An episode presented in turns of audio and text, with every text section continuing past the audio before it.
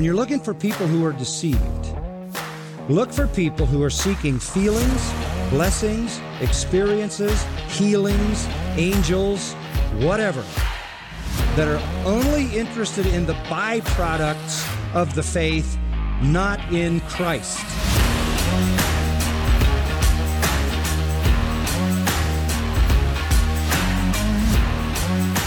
Come out from among them.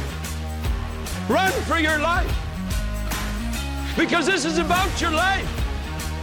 It's not just about an opposing theology or a conflicting viewpoint on Jesus. This is about your life. Run from gospels that focus only on success and prosperity. Run! Run from churches where men and not Christ are glorified. Run! Run! Body of Christ, run! Get out! Run from churches where you're comfortable in your sins. Run from preachers that stand and tell stories and jokes. Run like you've never run before.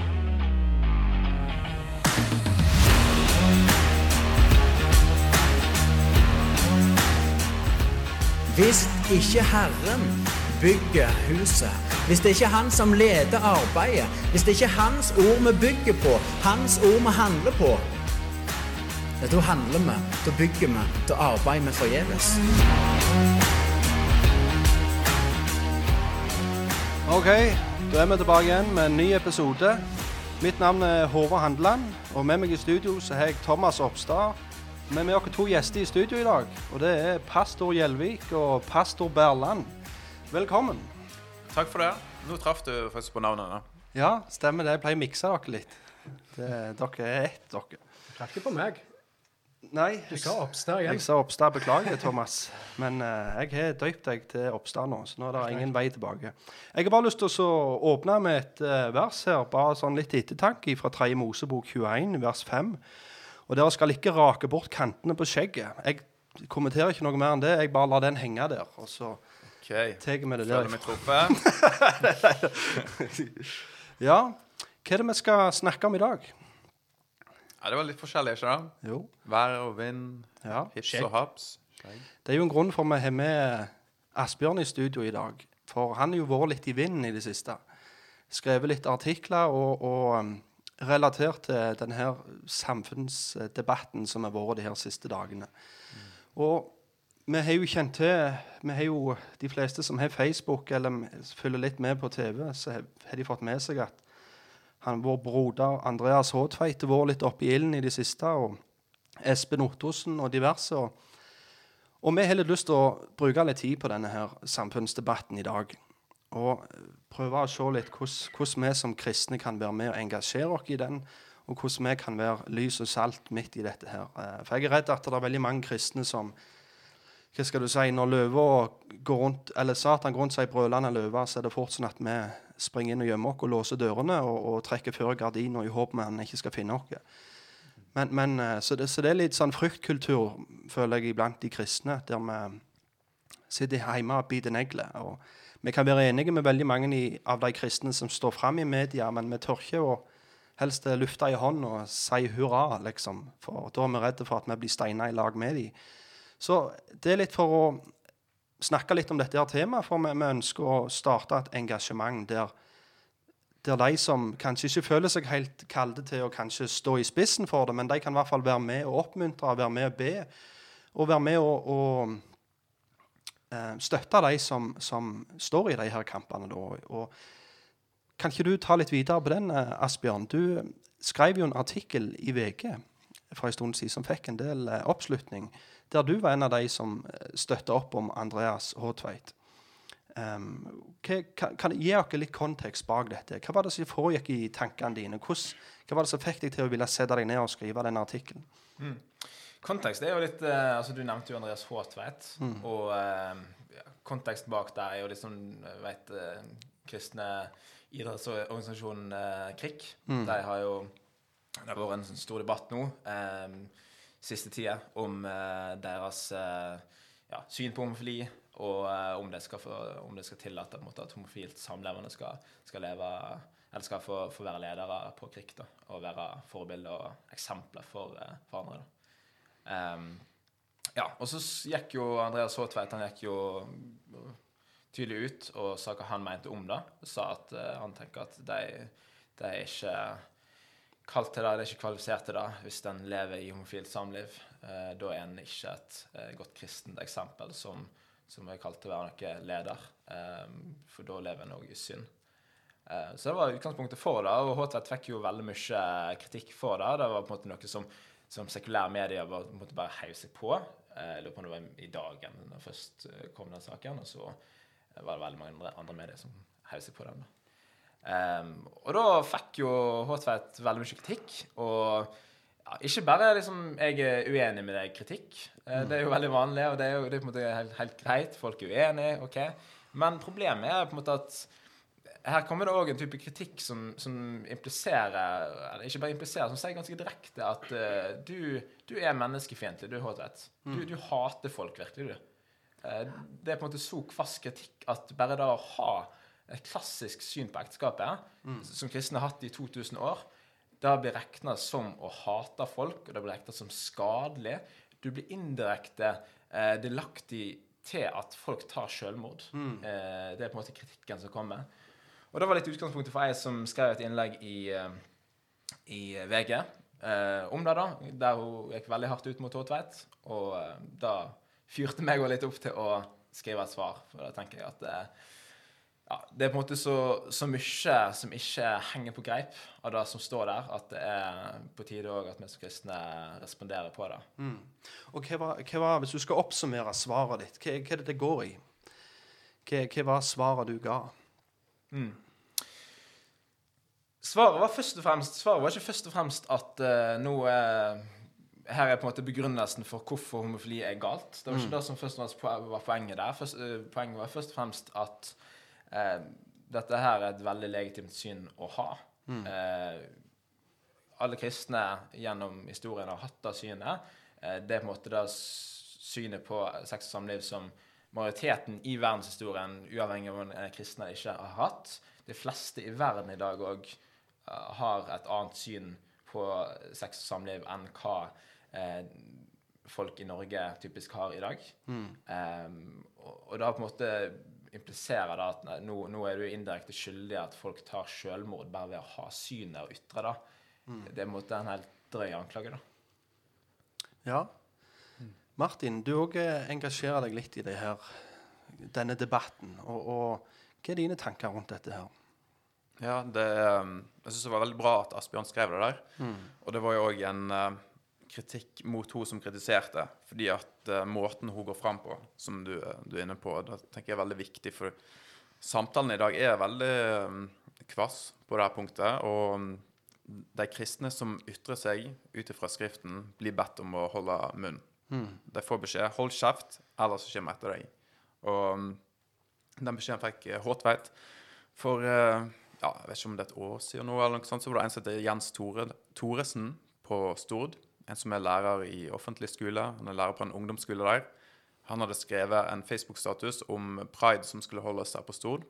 Og det ble en sånn gigamediasak der han fikk så masse mot seg. Og kunne han nå være lærer, han som hadde det her synet?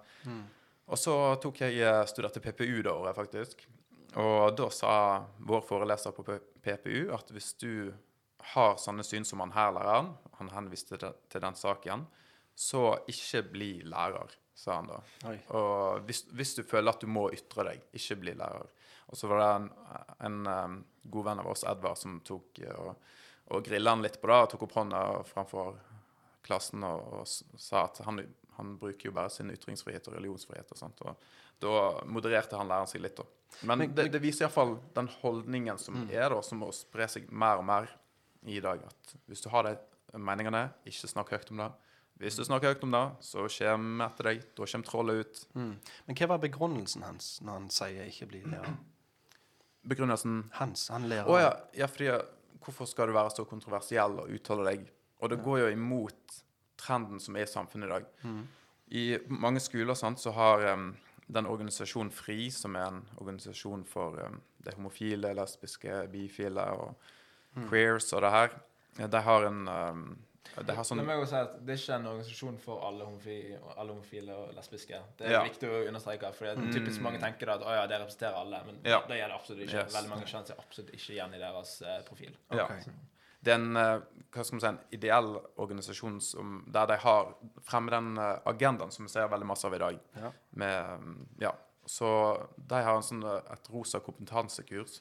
Rosa kompetanse. Som de rundt på skoler og underviser i, der du skal liksom få vekk det som de kaller for heteronormativitet. At det, det heterofile er det normale. sant? Det, det er liksom fy-fy, og de skal lære barna opp eh, i at um, at eh, mor og mor og mor og mor og mor og liksom, Det er ingen grense. Og, og, så er, noe som jeg tror er skadelig og forvirrende for veldig mange barn å høre. og Det kommer også inn med, det her med kjønn og kjønnsforvirring og sånt, som de bygger opp under. Og dette er en del av samfunnet vårt nå.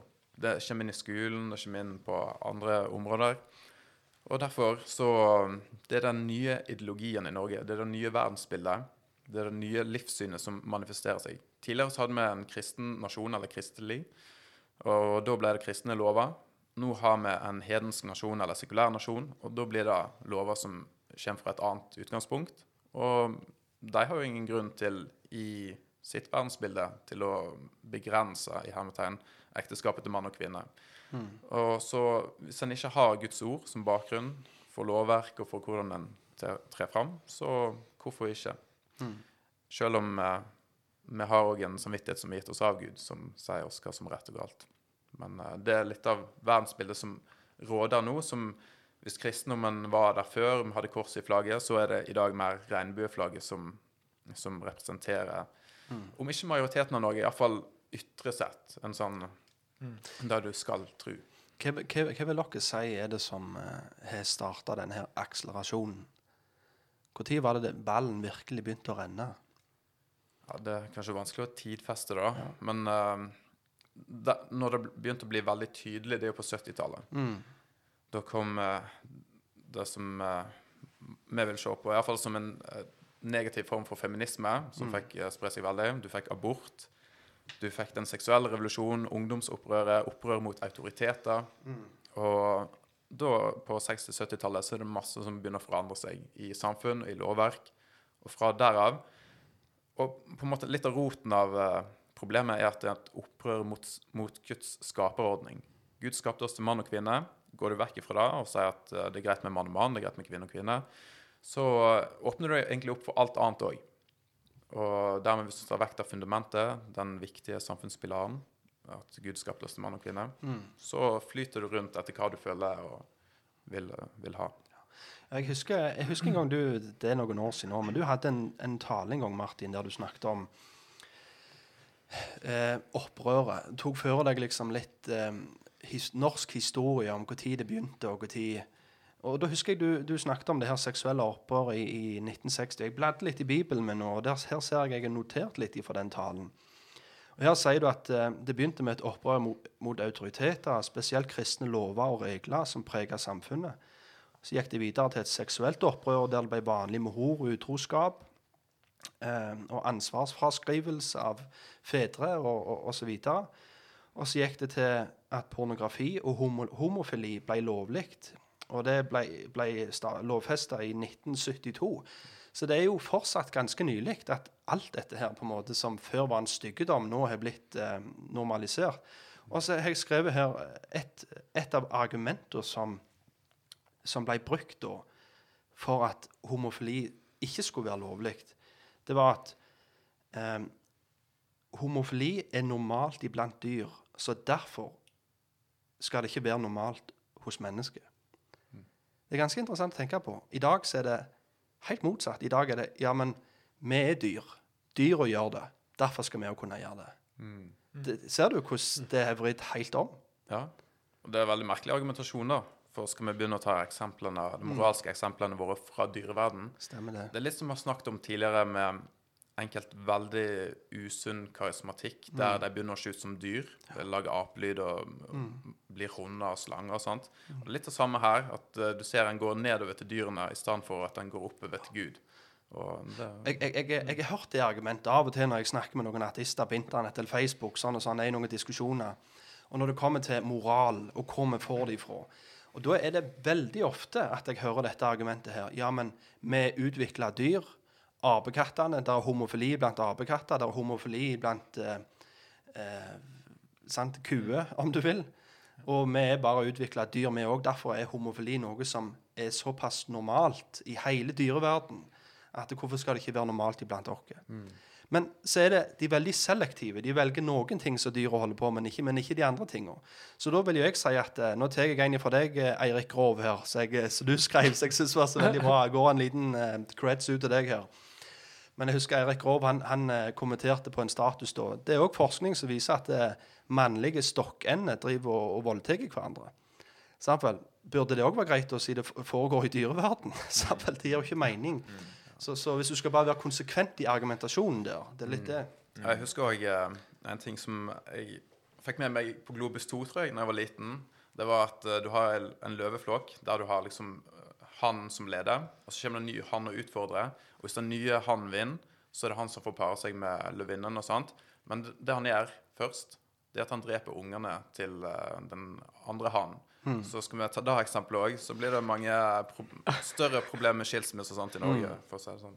Så det blir veldig rart hvis man skal se på dyrene. Å, der er mitt moralske eksempel. Det er sånn de begynte å dyrke det skapte istedenfor skaperen. Og, Alt det her illustrerer kanskje nettopp da at uh, sekulære, altså de som ikke har et kristen verdensbilde, de sliter litt når det kommer til det med å begrunne moral. Fordi de må hente moralen en annen plass fra. Så de prøver med naturen, men så klarer de ikke å være konsekvente der. Som eksemplene her. Og hvor skal de ellers gå, da? Jo, de kan gå til sine følelser. sant? Og da ser vi jo mye med homofilidebatten og vi har sett de siste ukene hvis en har fulgt med eh, i debatt der. Det går mye på følelser. Ehm, men, men, men hvordan skal en ellers gå, på en måte? Hvis en ikke har noe eh, fundament å bygge ting på? Altså hvis, hvis vi er et resultat av bare en tilfeldig utvikling gjennom millioner av år, eh, hva grunnlag har vi i det hele tatt for å snakke om at det finnes rett og galt? Hvorfor reagerer folk så mye nå i sånne debatter i det hele tatt?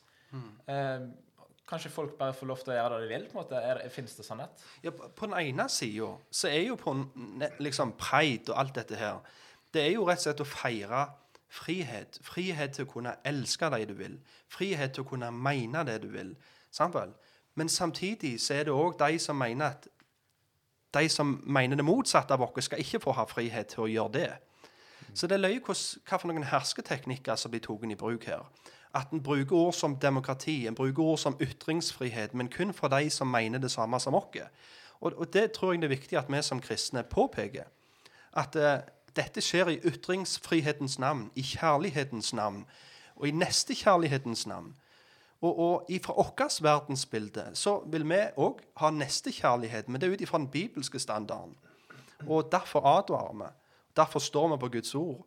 Og derfor må vi si at homofil, homofilt ekteskap er galt ut ifra Guds ord. Og Guds lov er den objektive standarden for alle mennesker. Det er ikke mine subjektive følelser. Og da blir det en krasj mellom to verdensbilder her. Og det har jeg lyst til at vi skal snakke litt om nå. De her to verdenssynene, eller verdensbildene. For det er jo ikke noe tvil om at ofte så er det sånn at Jeg vet ikke om dere sitter her en eh, russiske eh, Hva skal du si eh, Russiske klapsewrestling. Der de står på hver sin side av et bord, og så smikker de hverandre i fjeset annenhver gang, helt den ene ligger på bakken. Jeg føler ofte debatten er sånn at uh, vi smikker hverandre annenhver gang i fjeset. Argument for, argument imot, argument for, imot. Og så bare holder vi på sånn helt en ligger, enten av utmattelse eller at nei, jeg gidder ikke mer. Eller for, for hylekoret blir så høyt. Så tenker jeg det at istedenfor å se og høre hva som kommer ut av munnen på de vi snakker til, så tror jeg vi faktisk må se ned på beina. Og billedlig sett så betyr det hva for en grunnvoll er det det mennesket vi snakker med, står på?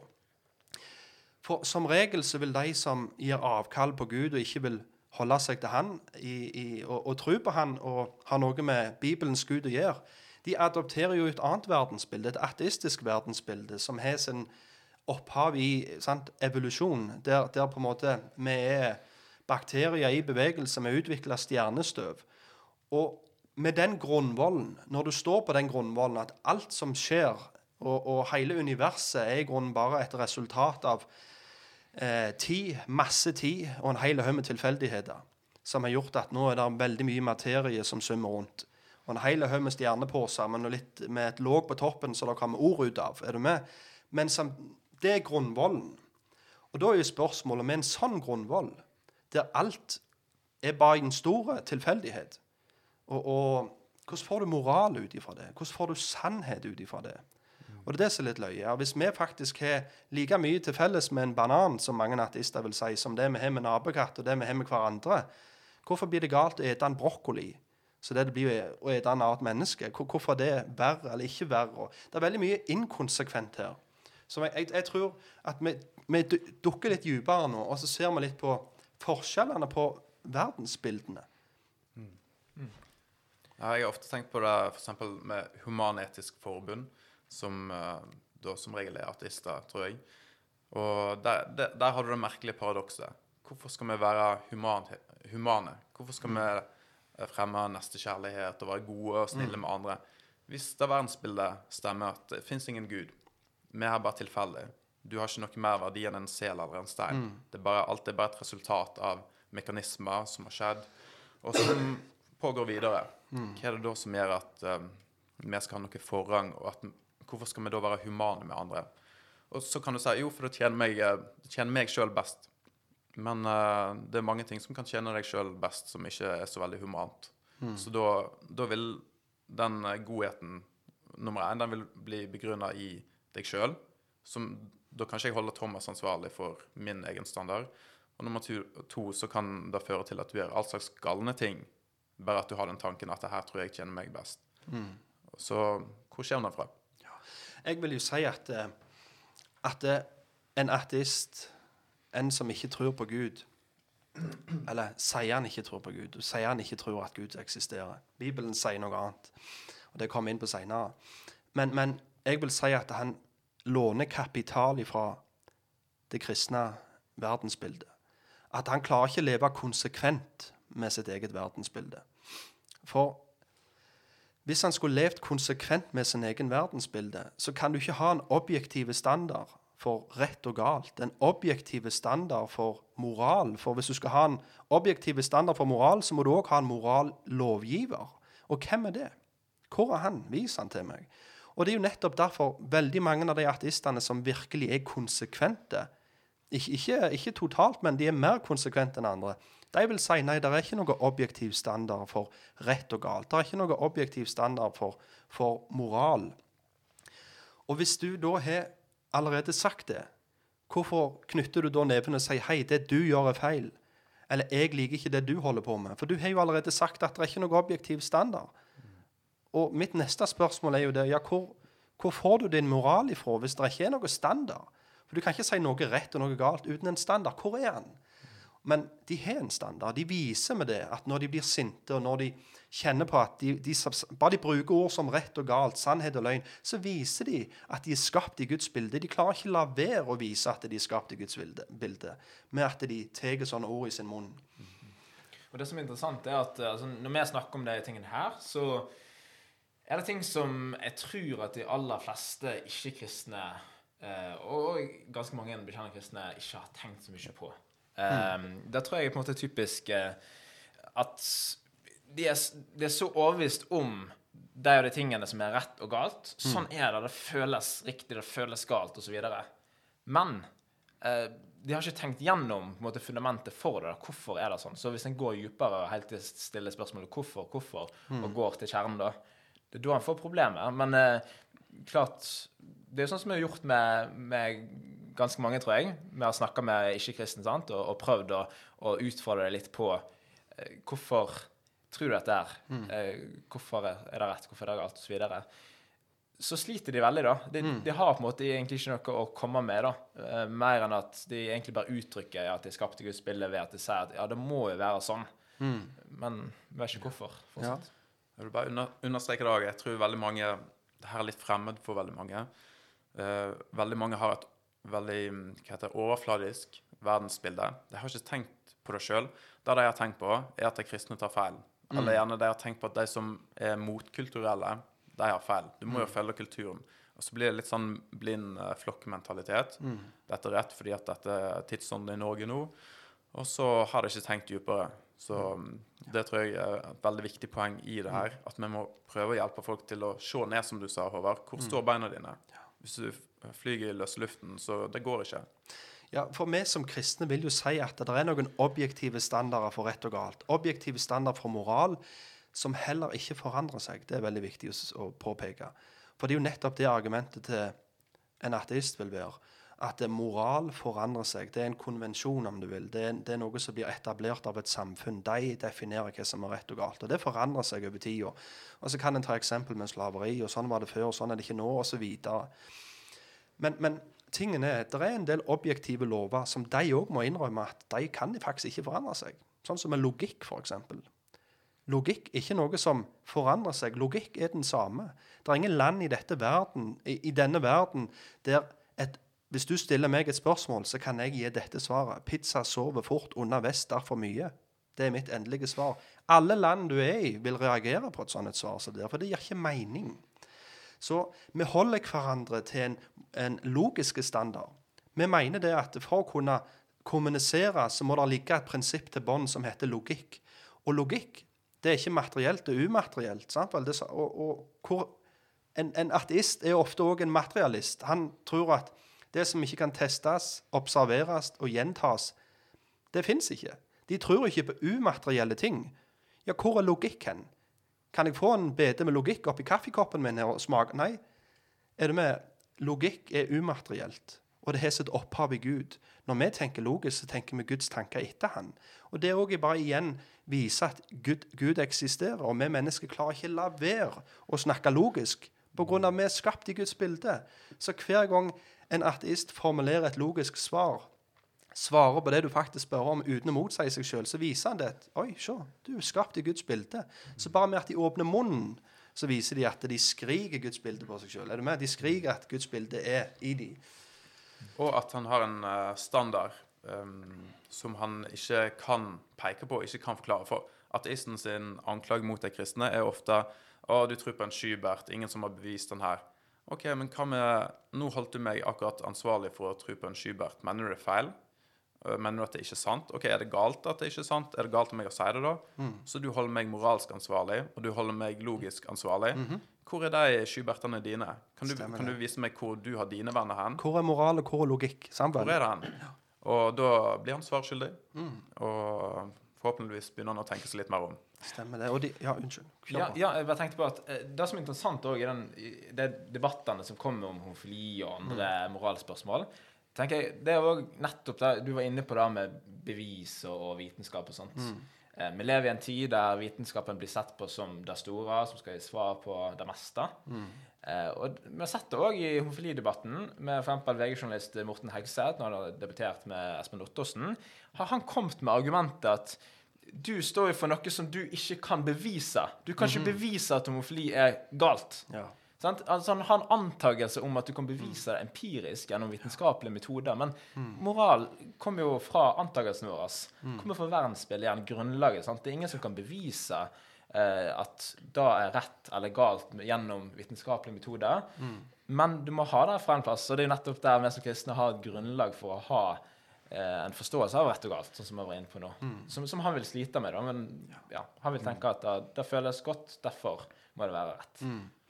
Og her kommer jo dette her bibelske prinsippet inn. At Guds frykt er begynnelsen på kunnskap. Sant? Å kjenne Han er, er og, og det som snakket litt om i en tidligere episode, at hvis en ikke begynner med Gud, Gud ikke han, Den bibelske Gud er ikke han du beviser deg fram til, men den bibelske Guden er han du må begynne med for at hele tatt ordet som kommer ut av munnen din, skal gjøre mening. Altså Når vi skal formulere et ord eller en setning eller en, sant, som skal være forståelig for folk, så må vi anvende logikk. Og hvordan kan vi rettferdiggjøre logikk fra et ateistisk verdensbilde, som ikke tror på eh, umaterielle ting? De tror på kun det du kan teste, observere og gjenta, og sant, bruke de her vitenskapelige lovene. Og det, det er ikke sånn du kan gjøre med, med logikk. Men det de vil si, at logikk er et menneskelig konvensjon. Det vil si at det er mennesket som har funnet på logikk. sant vel? Men da er det løye at logikk er i grunnen den samme i alle land. Er du med? At, at det, det er ikke, som jeg sa tidligere um, oh, jeg det. Pizza-svaret ditt. Ja. Det der med Ingen kultur vil godta det som et eh, svar på et spørsmål. Men pga. de sier at det er en menneskelig konvensjon, så vil de òg si at når jeg da spør de, ok, hvis det her er logikk, en, en menneskelig påfunn, det er noe vi har lagd, noe vi har satt i gang, kan da logikk forandre seg om fem minutter? Siden du mener det er noe vi mennesker har funnet på, kan logikk utvikle seg og bli noe annet enn det han er nå? Akkurat som du sier moral kan. Og hvis han er konsekvent da, så vil han si ja, den kan forandre seg med tida. Så det neste svaret jeg gir til hans spørsmål, når han spør meg om noe, det er dette. Pizza sover fort under vest er for mye. Nei, det er ikke noe svar, sier han. Logikk forandrer seg akkurat. Nei, det går ikke, sier han. Nei, der ser du. Og hvis logikk er basert på oss mennesker, så da, er, da betyr det jo ingenting. Det som jeg tenker at pizza, pizza er godt, Thomas tenker pizza er dårlig. Jeg tenker at uh, logikk er godt, Thomas tenker det er dårlig. Det betyr ingenting hva jeg tenker om det. Så da kan solen være av og på. Altså solen kan brenne og ikke brenne samtidig. Da kan vi være på Mars nå, egentlig. Jeg er et romvesen. Det er jeg jo for så vidt. Men uh, nå avslørte jeg meg. Men alt Hvis logikk er bare noe som vi har funnet på, så gjelder den ikke. Den gjelder like lite som hvis uh, jeg tenker nå at alle mennesker er egentlig en lollipop. Det blir ikke sant allikevel. Det er noe jeg har funnet på. Så det vil fortsatt være mennesker. Og hvis jeg bare finner på at logikk det er faktisk noe som er et godt verktøy å ha, det betyr ingenting. Hvis det ikke er faktisk sånn. Og, mm, så det blir stående i løse luften. Og ja. Alt dette viser jo kanskje òg litt at uh, i sånne debatter, hvis en er i debatter med andre om homofili og andre sånne kontroversielle tema, så ja, jeg, jeg tror ikke det, det trenger ikke være feil. Jeg har sjøl diskutert med folk òg om litt detaljer osv., men jeg tror at eh, hvis en bruker veldig lang tid på alle de detaljene, altså sånn og, og argumenterer på en måte der ute, uten å aldri komme til kjernen òg, så eh, vil de bare stange mot hverandre. Da. Det er to forskjellige verdensbilder som stanger mot hverandre, og en kommer ikke lenger fordi de begynner med fundamentalt forskjellige antakelser. Så, så alt som de homoliberale sier, vil på en måte være basert på deres antakelser. og Da, da må en egentlig mer arrestere dem for deres antakelser, som en absolutt ikke deler. Kjempebra. Og det er akkurat det jeg føler vi snakker om nå. At all, vi har et verdensbilde, alle sammen. Og derfor er vi ikke nøytrale. Det er presupposisjoner, som vi snakket om tidligere. At vi har alle et utgangspunkt vi kommer ifra. Og Derfor blir det til at vi bare snakker forbi en annen. og det blir til at vi, sånn, Den russiske klapselegen, at vi smikker hverandre annenhver gang, i fjeset. Istedenfor at en går til grunnvollen og ser at den grunnvollen du står på, hvordan kan du, hvis du skal leve konsekvent ut ifra det verdensbildet du har, hvordan kan du hele tatt reagere på at noen er uenig med deg? Det eneste du kan si hvis du skal være konsekvent i din ateisme, så må ikke du si at det du mener er galt, det jeg mener er rett, for da må du ha en moralsk standard. Det eneste du kan si, det er annerledes det du holder på med. Veldig annerledes. Du kan ikke si det er galt, for da må du ha en standard. Er du med? Det er en eh, tidligere ateist som heter David Wood. Han var, han var psykopat og ikke frelst, og han trodde på det som blir forkynt, eh, skapelsesmyten som blir forkynt, med evolusjonsteori og alt det her. Trodde ikke på noe Gud. Eh, og han så ingenting galt med å mm, drepe sin egen far. Så han prøvde faktisk å drepe sin egen far, og trodde han hadde klart det. Slo han med en hammer i hodet. Og ut fra sånn som han tenkte, så var det ingenting galt med det. Han uh, bare, han bare brøt de kulturelle normene og grensene. Han brøt med den kulturelle moralen som bare var en fantasifigur. Og han viste at han var, trodde han sjøl, et uh, bedre menneske ved at han brøt seg um, fri fra systemet. Han lurte systemet. Men så um, ender han opp i fengsel, møter en kristen som er veldig tålmodig, og etter hvert så blir han ledet til Jesus og blir frelst. Men eh, sånn som han tenkte før, med sitt verdensbilde, så var han konsekvent. Ikke, Det betyr ikke at alle ateister nødvendigvis blir drapsmenn, men det betyr at du faktisk Det er ingen større verdi på den appelsinen enn på den mannen som sitter der. Og dermed så kan en uh, ta sånne valg som blir på en måte rasjonelle innenfor der, men det har ikke noe fundament. Så Og så er det viktig å understreke sånn som du er inne på nå, at eh, vi anklager ikke artister eller agnostikere for å yep. eh, for, for å dermed tenke at deres verdensbilde leder til logisk. Eh, at eh, ja, det er mye som vi tenker at det fører logisk til at du kanskje står for logikk, du kanskje står for moral. Og så vil jo på en måte artisten protestere. Ja, men jeg er jo det. Jeg er jo veldig moralsk. Stemmer det. Sant? Jeg, jeg står opp for den rette moral, og jeg, jeg dreper ingen, og jeg er snill og god med, med andre. sant? Men, men eh, poenget er nettopp å vise til den logiske konsekvensen av det du tror på, ikke hva du faktisk gjør. Du er inkonsekvent. Veldig bra poeng det, det du sier der. For et motsvar som ateisten vil si Ja, ja, men du kan si så mye du vil at eh, jeg ikke liksom kan argumentere Liksom moral, ikke moral, sannhet. Men, men jeg, jeg, jeg bruker de her tingene. Og det fungerer, vil han si. Er du med? Jeg, jeg, det her er sant, og det her er galt. Jeg kan teste det, og det, jeg kan slippe pennen, som de ofte sier, og han detter ned hver gang. Så derfor fungerer det jo. Derfor trenger ikke jeg deres Gud. Men, men tingen er at det er ikke konsekvent. De klarer ikke å rettferdiggjøre deres bruk av de her tingene. De bruker de uten å kunne gi oss et svar som gir mening, uten å kunne rettferdiggjøre det. Så det er derfor jeg prøver å si at når de gjør det, så låner de kapital av det kristne verdensbildet for å få deres eget liv til å fungere. Det er jo nettopp det som er tingen. Og istedenfor at, at vi ser så mye på hva som kommer ut av munnen, så er det igjen Se på den grunnvollen, og vis de det. Hei, se ned på beina dine. At eh, du står på en ateistisk grunnvoll, men nå har du hoppet over på min grunnvoll, som er en kristen grunnvoll, der jeg kan rettferdiggjøre sannhet, løgn, moral, umoral, logikk. Jeg, kan ha et rett, jeg, kan ha, jeg har en rettferdiggjørelse for alle de forskjellige tingene der. De universelle, objektive lovene som vi alle nytter av. Men du kan ikke. Så for at du skal være sint på meg, krangle med meg, liksom irettesette meg, så må du faktisk hoppe vekk fra ditt eget verdensbilde, din egen grunnvoll, og komme over på min. Gå tilbake til din egen. Samfunn.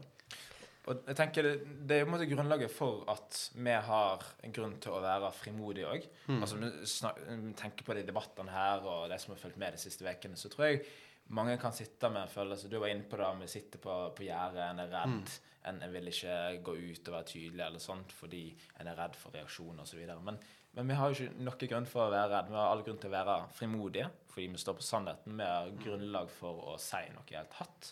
Eh, Men det jeg tror ofte at eh, sekulære holder på med, media holder på med i stor grad òg, det er på en måte en type skamliggjøring av konservativ kristne òg. Der mm, Det virker som Jeg skal ikke lese deres tanker og intensjoner, men det er nesten så du av og til tror at målet deres er å få oss kristne til å oppleve en slags form for skam eller frykt. Som at eh, Se hvor idiot du er som tror det der. Eh, Nå ler vi av deg. Eh, så derfor skal du holde kjeft. Og veldig mange kristne holder kjeft er som et res- et resultat av det. Det er jeg syns er litt interessant å se. Altså, det, når vi snakker om dette her, det finnes ikke noen nøytralitet eh, blant de forskjellige verdensbildene, og det gjør det heller ikke se i media. Jeg bare tenker sånn som Når du nevner med Andreas Hådveit, så var vel han fin sjøl en av de første sa til Andreas at uh, du må omvende deg på dette her. Og så var jo en annen innsett, Niklas Baarli. Uh, han hadde skrevet et innlegg på om det var Twitter eller Facebook i hvert fall. Eh, så viste de på TV 2 selve innlegget, og så tok de og sladda ut det som sto øverst, det som sto nederst, til det som på en måte var det sentrale. Og der var jo dine meninger, Andreas, der fører til at eh, homofile ønsker å ta selvmord og sånn. Og det så Hvis du fulgte med litt da, før de begynte å sladde, så så du det første han skrev, det var at jeg håper at ungene dine, Andreas, tar bitch slipper deg når eh, de blir voksne. Og det som sto nederst, det var du kan dra til helvete. Du tror jo på det. Og det er litt uh, bare sånn i forhold til at eh, media er heller ikke nøytrale i dette her. Altså, Håtveit han kom ikke med noe personlig anklage til noen homofile. Det gjorde han ikke. Men her ser du en som kommer med en direkte uh, trussel til Andreas uh, Håtveit. Og den trusselen den kan virkelig føre til skade for familien hans og osv. Um, Ingen reagerer på det. Selv om det er jo det som faktisk kan være skadelig. Sånn, men det er jo ingen grunnlag for å si at, eh, Mm. at uh, klassisk ekteskapssyn uh, fører til selvmord blant homofile. At det er kausalt på den måten. Så det er jo interessant. Og det var litt sånn poenget mitt òg i det VG-innlegget som vi hadde. Så prøvde jeg på en måte å få fram litt av at hun som hadde skrevet det innlegget tidligere i VG. Eh, hun òg var jo på en måte rimelig stygg måten hun framstilte Håtveit på. Kalte hans mening for eh, eh, menneskefiendtlige, f.eks. Eh, og kritiserte indirekte for at eh, nå fører dette til flere selvmord blant homofile. Og da avslutta jeg litt òg med, på slutten av innlegget med å si det at at eh, Håtveit har jo nettopp et godt grunnlag for å eh, respektere andre på tross av ulike syn. Fordi at mens hun hadde skrevet at ja, men eh, da sier du at folk ikke er gode nok som de er. Men Håtveit vet at han er ikke god nok som han er. Og nettopp da er grunnlaget for at han kan være ydmyk òg i møte med andre som tenker annerledes enn han. Dermed kan han være ydmyk, dermed kan han respektere andre òg. Og tenke at han er ikke en som bare er så god i seg sjøl. Dermed skal han på en måte bare eh, knuse andre med sine ord. Mm. og Derfor oppfører han seg ikke på den måten heller. Fordi det er på en måte resultatet av å, å leve ut evangeliet òg. Mens hun andre, eh, ironisk nok med tanke på all snakk om toleranse, hun utviste ikke toleranse, litt sånn som du òg nevnte med dine eksempler. Og jeg, jeg, jeg tenker jo Jeg tror mange kristne ligger og kjenner på Ja, jeg, det er hårreisende, sant vel. En leser det i aviser, en ser det på nyhetene. Men så er det sånn åh, det er ikke vits. Er du med? Det er ikke vits å polere bronsen på ei synkende skute. Det er ute og Ja. Men, men det her prinsippet og befalingen som vi har fått ifra Vår Herre, at vi skal være lys og salt i verden Og hvis vi ikke er det, så blir saltet kasta ut og bare trødd ned. Og dette toget, dette liberale toget som vi ser i dette landet her nå, er det virkelig sånn at vi kristne skal hive oss framfor det toget og legge oss på bakken og bare la de trampe over? Det er jo nettopp det som jeg mange ganger ser. At, at, så Sølve sa i, i sist podkast at vi er sannheten tro i stillhet. Er du med? Og, og det, det, er jo, det er jo blitt det kraftløse saltet, da. Som bare kan hives ut. Det er ikke noe salt med at vi bare sitter og har mange tanker i hodet. At vi tenker 'uff, nei, uff, er så gale'. Det hjelper ingen. Og det er ikke det vi er kalt til. Vi er kalt til å være salt og lys i verden. Så det vil si at vi faktisk må faktisk eh, være i debatten.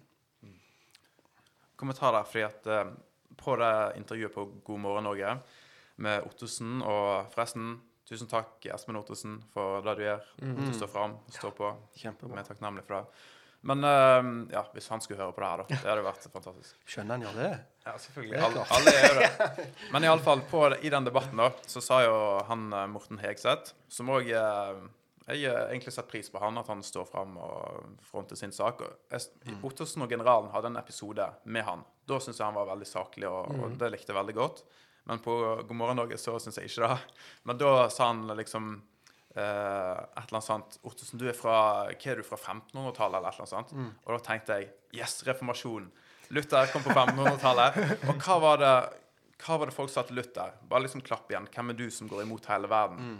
Hva, tror du at du sitter med all visdommen og, og sånt? Og, men så var Luther frimodig. Han, eh, han var nok av og til litt for frimodig og litt for uh, skarp i tungen med, med sin munn. Men han var frimodig, og det er det jeg tenker vi må være i dag. Som du sier, Vi skal ikke bare være ei fin dørmatte som blir tråkka på, og som eh, ja, men vi skal være frimodige, og så kan Gud gjøre store ting gjennom det. Og det betyr ikke at vi får en ny reformasjon på samme måte som, som Luther fikk oppleve, men det kan bety det. Vi må være frimodige, stå fram, og Gud vil lønne det, Gud vil ære det. Og vi så blir martyrer, eller vi må i fengsel, eller hva enn som skjer. Og hvis nå lovverket blir sånn at en faktisk risikerer å gå i fengsel for å være kristen og tro mot Skriften, så gjør jeg det med glede. Det ville vært en ære å gjøre det. Nå er jeg singel, så kanskje det er litt lettere for meg å si det enn for små familier og sånt. Men uh, det Ja. Da får jeg god tid til å studere. Norske fengsel er veldig fine. og Veldig, ja, så det Jeg kom på det du sa med, med at det er jo sant, 1500 år gammel, eller hva du sa for noe. Mm. Eh, jeg husker kona kom hjem og fortalte det. Her er noen år siden. Men da hadde jeg vært i dialog med en annen kristen dame som hadde kritisert noen av hennes tanker om noe og sagt at det er jo 200 år gammelt, det der du holder på med. Så kom kona hjem til meg og fortalte dette her. Så, hun sa det ikke, men hun, tenk, hun tenkte hun skulle si det. Så sier hun det. Jeg fikk lyst til å si nei, det er ikke 200 år gammel, det er 2000 år gammel. liksom. Så det er mye sant i det. Ja, og hva betyr egentlig da? Liksom, du er gammeldags, eller du er Ja. liksom eh, Fordi, OK, hvis du går tilbake til Sodoma og Gomorra, det er veldig lenge siden. Mm. Der var homofili veldig populær. Hvis du går tilbake igjen eh, Men hvis, de som er mest gammeldagse, det er jo de som var i Eden. Så det er de som har rett. Så hvis, det er egentlig et kompliment hvis folk sier du er gammeldags. Hvis du går hele veien tilbake igjen, så kommer du til paradiset. Men det er jo denne tanken her at samfunnet er under utvikling, og det er en uskreven, objektiv lov som heter at vi må utvikle oss i lag med samfunnet. Så ingen har informert meg om den, i hvert fall. Det er vel det som sies Lewis, hvis jeg ikke tar feil, så sies Lewis kaller vel det for kronologisk snobberi. Eh, den typiske. Så det var jo på C.S. Lewis sin, eh, sin tid på midten av 1900-tallet, så var det jo typiske argumenter. Så det, den, den er jo ganske tidløs, den jeg. Så det mm. Og så kommer det to verdenskriger, og så er vi fortsatt på toppen og i god utvikling. Så det er ikke, henger ikke helt på grep. Du finner, du finner løgn, du finner mor, mor, du finner hor. Du finner gjennom hele historien etter syndefallet. Du finner sannhet, du finner godhet, du finner gjennom hele historien. Så ja, det er liksom Kommer vi til 2050, så skal vi liksom være supermennesker. Og du må ha en veldig stor tro på en ekstremt rask evolusjon og av moral, som er en veldig rar, uh, rar tanke, da, hvis det skulle vært tilfellet.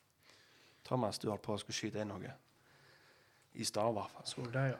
Nei, du, jeg så det, for jeg sitter og tenker litt på hvordan vi som kristne på en måte, Hva skal være vårt startpunkt for i, uh, i samfunnsdebatten og si uh, trosforsvaret. Generelt, liksom, så tenker jeg jo på, på eh, en tekst i første Peter-brev. uh, Om jeg bare kunne lest noen vers der. Kjør på.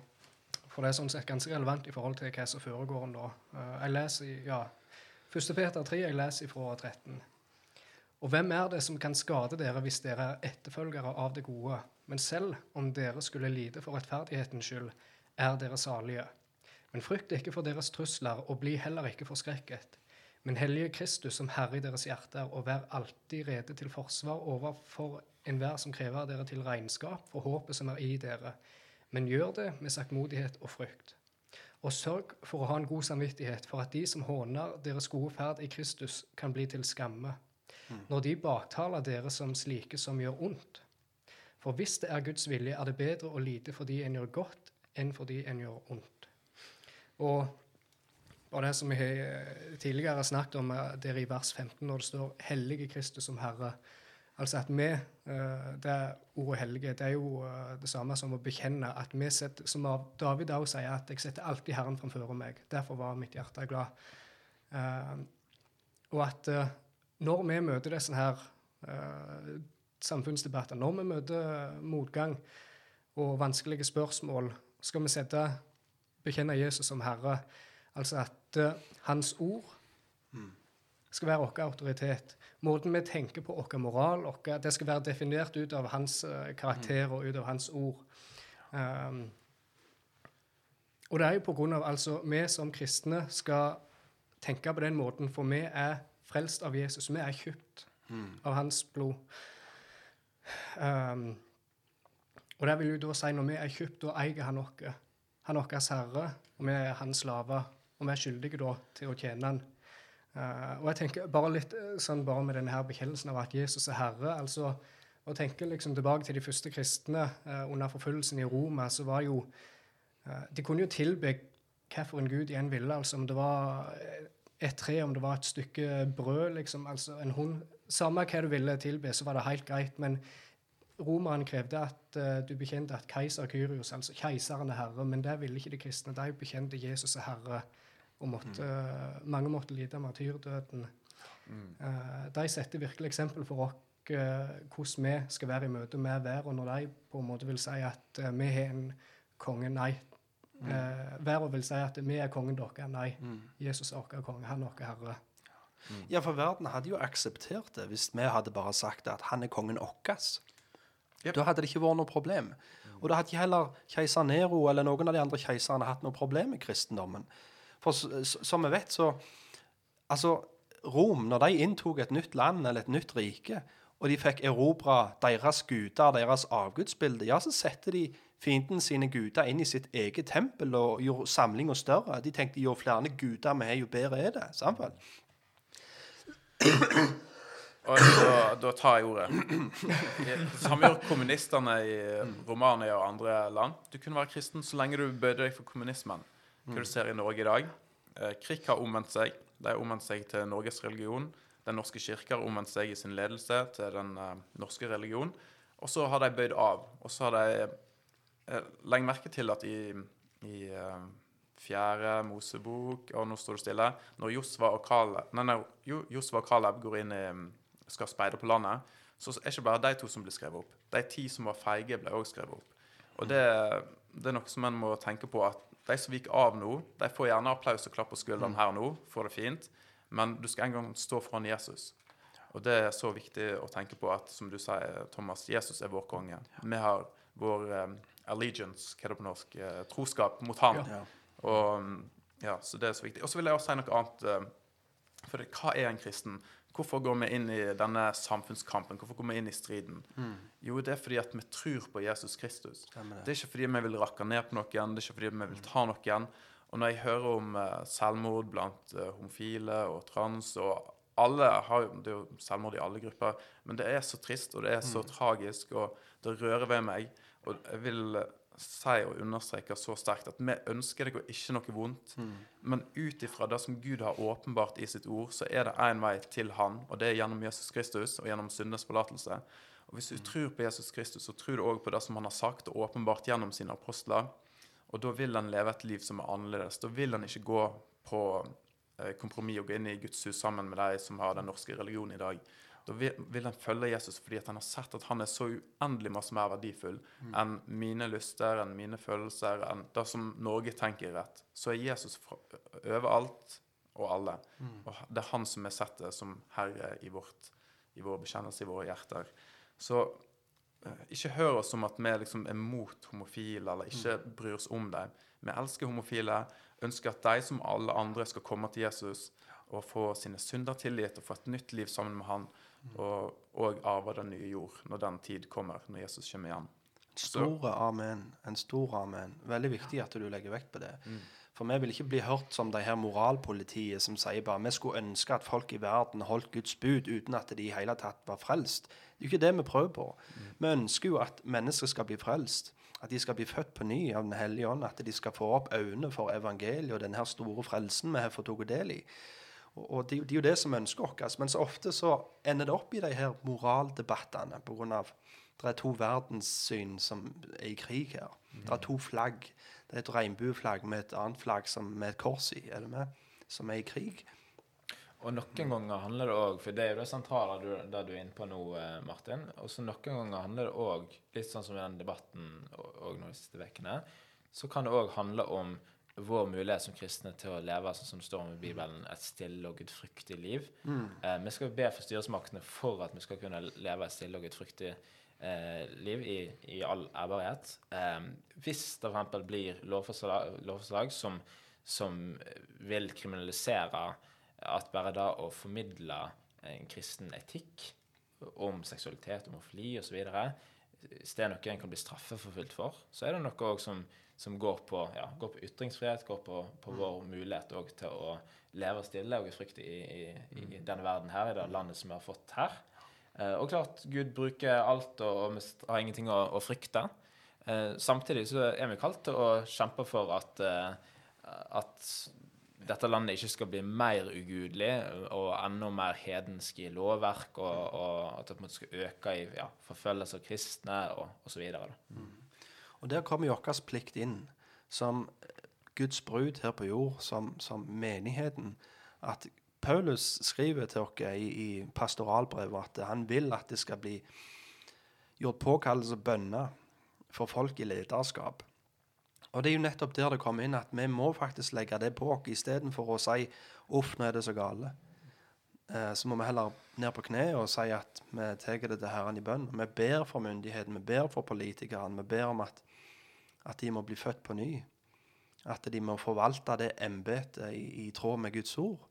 For institusjonen myndighet, det, det er det Gud som har, har lagd. Og det er òg han som definerer hvordan det blir gjort på en rett måte ut ifra sitt ord. Og det må vi be om at politikere må få opp øynene for. Og spesielt kristne politikere òg. At, at de engasjerer seg i politikken med Bibelen som autoritet. At de ikke bøyer seg for demas, som er demokratiet. Samtidig. At det ikke er flertallet som alltid skal Det hylekoret som har flest, det er liksom det som vinner gjennom. Men at de er villige til å stå som Daniel. Om alle bøyer seg for demas, som, så står vi kristne igjen og sier nei, jeg bøyer meg ikke for andre enn vår Herre. Så ja. Så tror jeg også at bare sånn historisk perspektiv, vi har vært litt inne på historien nå, jeg tror at litt av grunnen til at mange kristne er såpass passive i dag, det har også sammenheng med at hvis vi tenker at Norge på mange måter var en kristen nasjon før, eh, kristendom hadde mye større innflytelse. Veldig mange, altså majoriteten, kalte seg måte kristne, og vi vet ikke hvor ekte livet til alle var, osv. Men så har det på en måte gått tilbake igjen. sant? At nå er på en måte kristendommen på tilbakegang.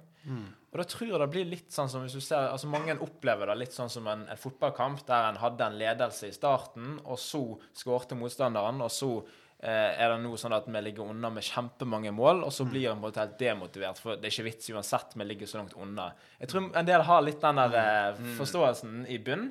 at ah, hva er vitsen? Eh, sekulære er så mange flere, og det skamler oss, og, og vi ser bare ut som noen idioter hvis vi, hvis vi engasjerer oss.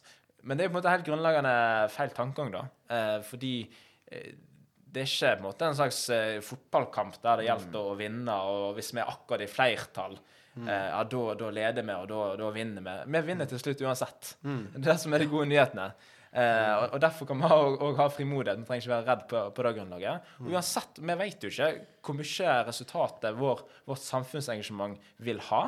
Vi vet ikke vil dette føre til eh, reformasjon, vekkelse, hvis vi engasjerer oss enda mer osv. Men det er ikke, selv om vi ønsker det, så er, er ikke da vi på en måte skal basere alt på at ja, hvis ikke det skjer, da kan vi bare pakke sakene våre og gi opp. For vårt kall uansett er å være tru, uansett hva resultatene blir. Og så er det opp til Gud å på en måte skape, skape resultatet, da, ut fra vår trofasthet. Ja, eh, jeg kjenner veldig på det du sa, for jeg er United-supporter. Manchester United. Og det har vært så mange, i det siste har det vært så mange tap og i forhold til tidligere. og sånt, Så du bare, når det ligger unna 1 eller 2-0 og går mot slutten, du vet at det her går ikke. Du, du gir opp. Så jeg har flere ganger bare sluttet å følge med. Så jeg kjente meg veldig igjen i beskrivelsen. Men ehm, ja, samtidig så tenker jeg også på det her Du nevnte tidligere det med lovforslag og sånt. For det er ikke sikkert alle vet om det. Men det er altså nå Arbeiderpartiet og Miljøpartiet De Grønne har 20 lovforslag som skal opp i Stortinget i desember. Der det er snakk om å styrke denne rosa kompetansen i skole, politi og egentlig alle plasser der de får innflytelse. Det skal være det er snakk om å få kjønnsnøytrale garderober på skolene.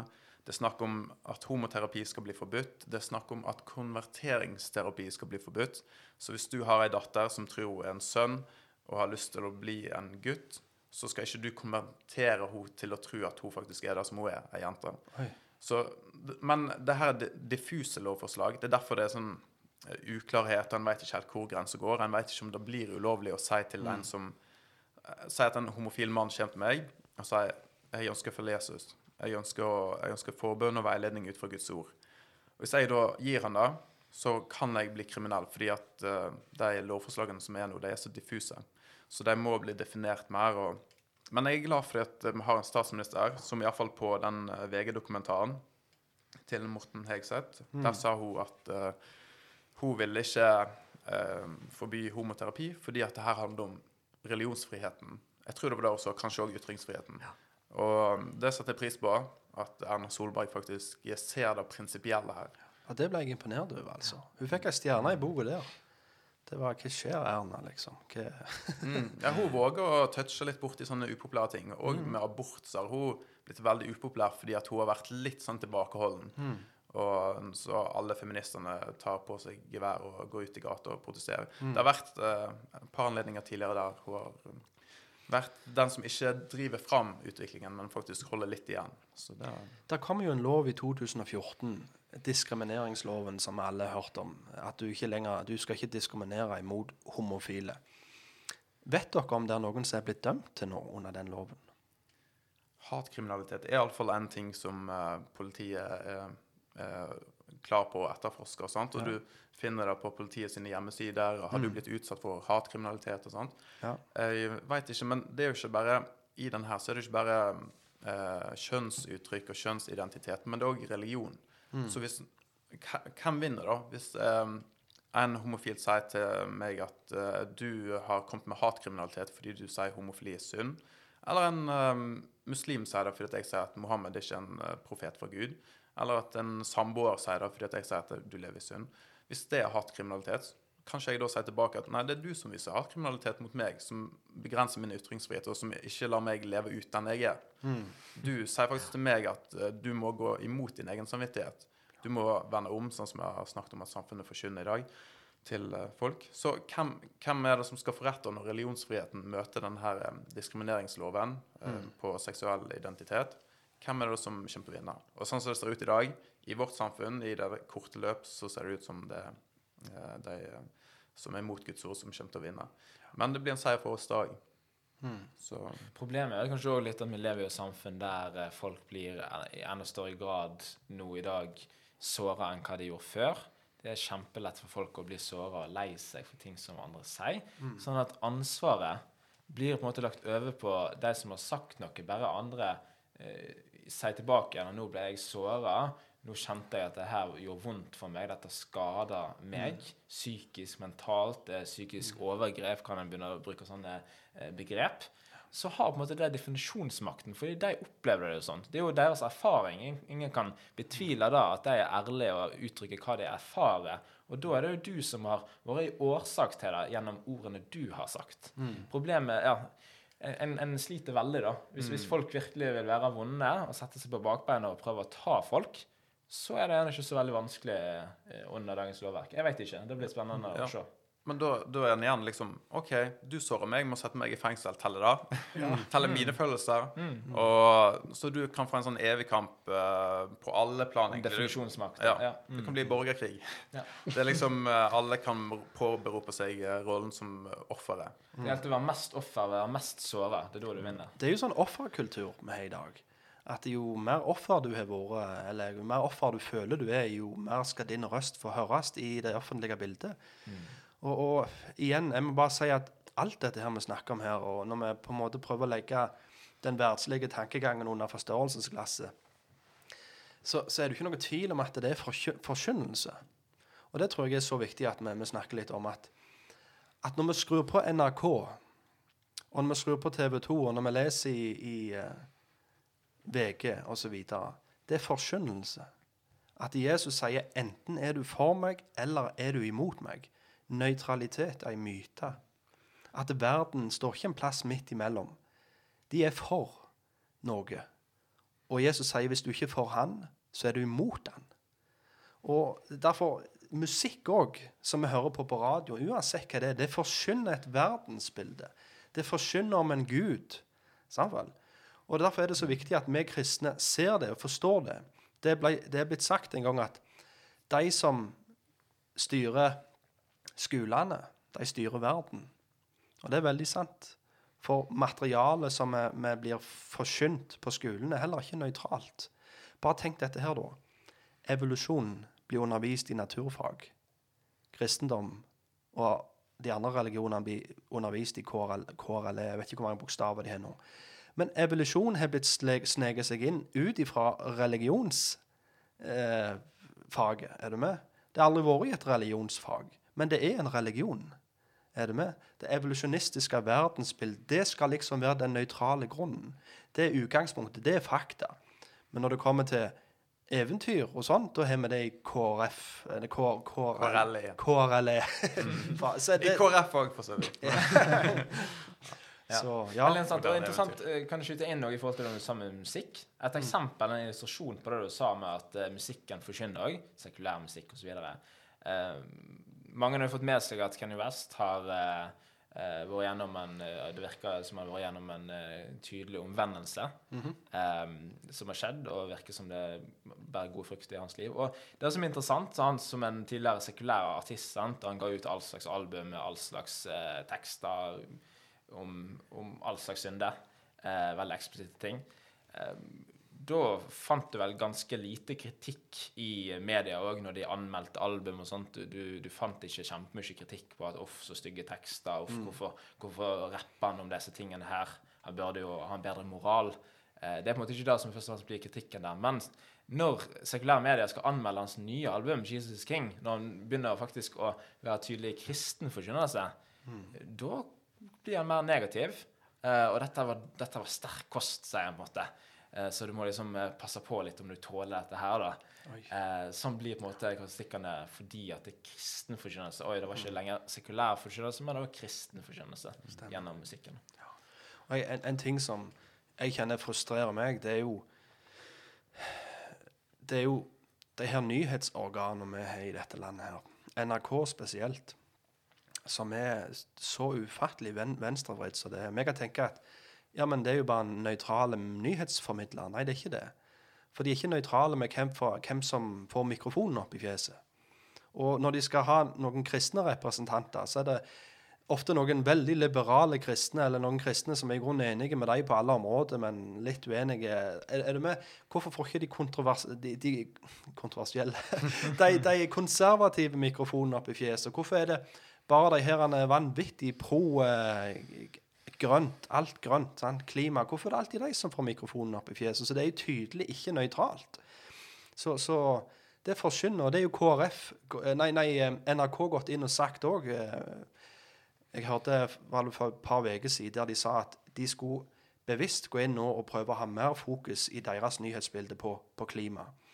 Um, men hører du på andre nyhetskanaler rundt i verden, så hører du at du får faktisk høre om uh, den stormen som var i nord, og den uh, huset som raste i vest. er du med? Mens her er det Hver dag så hører jeg en halvtime på NRK. Hver dag så blir klimadebatten tatt opp. Og det er forkynnelse. Veldig. De prøver å forvandle synet til et helt folk. At vi skal få en felles sak som hele nasjonen skal brenne for. Det er liksom Her er det et problem, sier politikerne. Og, og hvis vi skal løse dette problemet, så er det vi som må hjelpe dere med det. Så du har et problem, og vi er guden. Vær så god, stem på oss, og vi skal redde dere. Så det er på en måte en hele, hele frelseshistorie i alt dette her, faktisk. Og de har sine forkynnere som forkynner om dette her, som blir hylt opp og, og sant, Greta Thunberg og alt dette her. Og Nå skal ikke jeg inn på en veldig debatt og, som handler om klima, men, men, jeg bare ser vi må ikke glemme at det er faktisk forkynnelse, dette her òg. Mm. Mye av det. Ja, og ofte er jo kanskje tingen som blir tatt fram, det kan være noe som eh, mange kan si seg enig i. Men det som er bakenfor, som driver det, mm. som ofte ikke blir sagt klart og tydelig, det er ofte et, eh, en problematisk greie. Men eh, for eksempel um, i forhold til det du sier med at media forkynner, sant, så er det jo undersøkelser blant journalister som viser at jeg tror det er over 70% som stemmer venstresida i norsk politikk. Og bare da bør jo gi oss en litt sånn OK, hva mm, Bør få oss til å tenke oss om. Men så også, som du sier, så de har ikke et kristen verdensbilde. De har ikke Jesus som herre. Så det viser seg spesielt i abortspørsmål, i, i kjønnsforvirringen. og hvis hvor ofte er det Børre Knutsen og Ludvig Næss som blir framstilt positivt? Det er jo alltid mm. liksom mørkemann uh, de luxe. Så ja, det er veldig tydelig. Så det hadde vært veldig kjekt og hyggelig om VG, NRK og Dagbladet for én dag lekte at de var kristne, og bare skrev ut fra kristen verdensbilde. Mm. Eh, overskrift 'Skandale. Drapene på babyer fortsetter i abortindustrien'. Ja. Eh, og så videre. Så bibelvers øverst. Og det har, at jeg skrev for et kristent verdensbilde. Mm. Vi ber for Nord-Korea at det skal bli frelst. Og, altså, det hadde vært fint, men det, det, skjer jo ikke. Fordi de har et verdensbilde som hevder kanskje å være nøytralt, men, eh, og i mange ting så syns jeg NRK er kjempebra. Jeg syns andre aviser kan være bra på, på mange måter. Mm. Og det gir oss litt pulsen på Norge. Jeg, men, jeg eh, svartmaler, så må Martin inn og nyansere litt. Det er derfor vi utfor, utfyller hverandre veldig godt. Jeg slår med balltreet, og så må han gå og fikse noe etterpå. Så. ja, det, er så sant. Så ja, bare stryk alt som Håvard. Nei. Nei, men eh, det, det, er jo det er ting som vi kan si oss enig i. Og i musikk òg, sekulære band og sånt. Nå, nå fortsetter jeg bare å rette opp på det du sier. Det er, som, det er jo ting som du kan sette pris på som kristen. Uh, vakker musikk, vakre uttrykk for uh, kjærlighet eller et eller annet annet. Også som du kan høre på kristen, som kristen med god, god samvittighet. Men verdensbildet bak manifesterer seg ofte, men ikke alltid. Og men mennesker i verden klarer ikke heller å la være å vise at de er skapt i Guds bilde. Det er jo nettopp derfor mye mm. av musikk er bra. Og når de snakker om kjærlighet De snakker om mange ting som, som er bibelske konsept, er bib som har sitt opphav i Bibelens Gud og de lovene han har skrevet på hjertet vårt.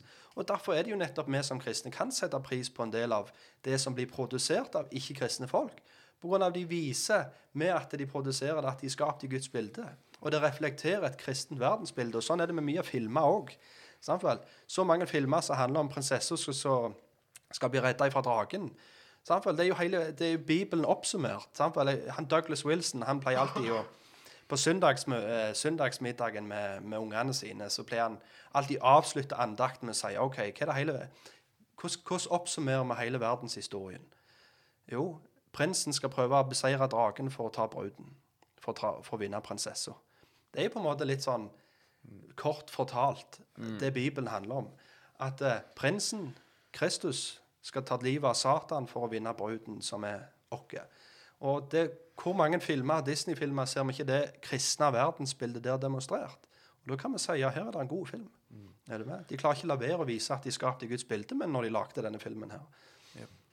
Ja, jeg tenker på et par kjærlighetssanger òg. Sånn 'Hit Me Baby One More Time'. det viser veldig tydelig. I'm a Barbie girl. Nei, ja, men det er jo det, Ja, helt enig. Masse bra som uh... Vi må redigere litt her, eh, hører jeg. etterpå. Hvis VG hadde vært kristen for en dag, hvordan hadde sporten da vært? Klarer du Da hadde det nok vært United, eh, masse United-saker.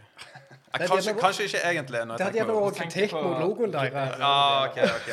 Jeg må slutte her på United. Kanskje det at uh, hele fotballindustrien omvender seg i sekk og aske, og de legger ned hele Ja, det begynner å samle inn kollekt istedenfor å Stemmer betale milliarder for fotballspillere. Ja, ja, ja. Men uh, kanskje vi begynner å se nå at vi begynner å komme mot en slutt. Uh, vi merker det på utsakeligheten. Folk begynner å bli sultne og usaklige, og da er det best med å runde av.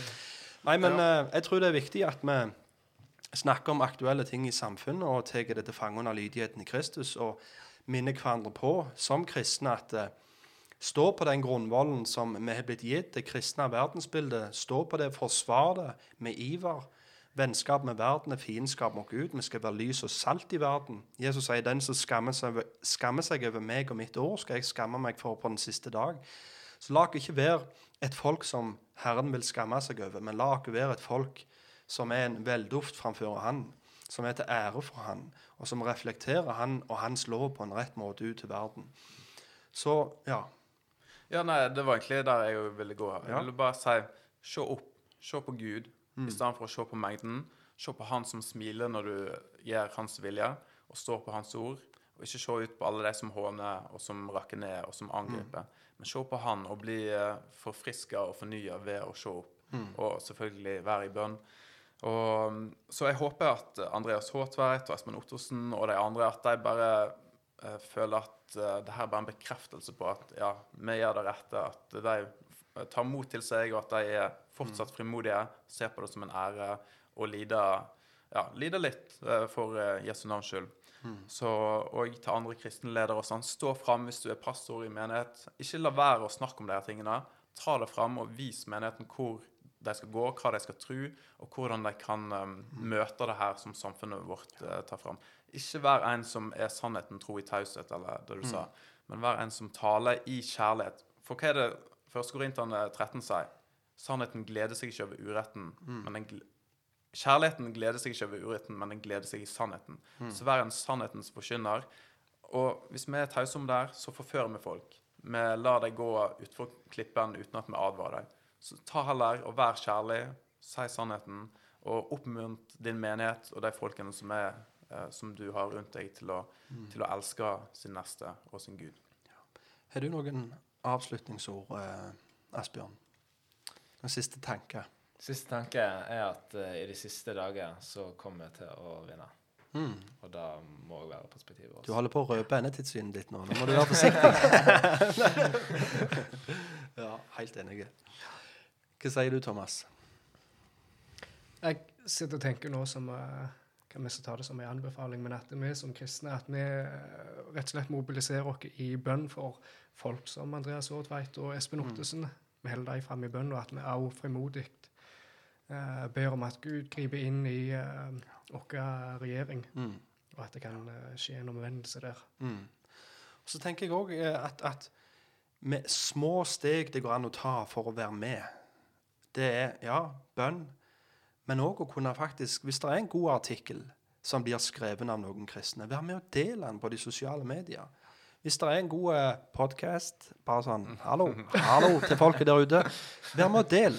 Tenker du på det, Håvard? Jeg Nei, det var, ikke på noen. tenkte ikke på denne her. Og?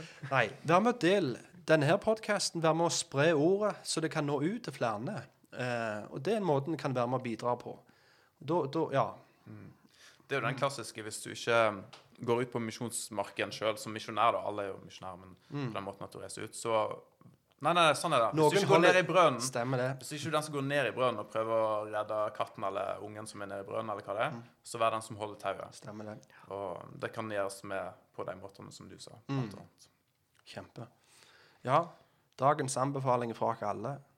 La oss som menighet be for makt og myndighet i dette landet her. La oss ikke være tause, men la oss lide for rettferdighets skyld. For da kan vi være salige. Med det så tror jeg vi sier takk for i dag, og på gjenhør. Veldig gildt å ha dere med, gutter. På gjenhør. Likeens.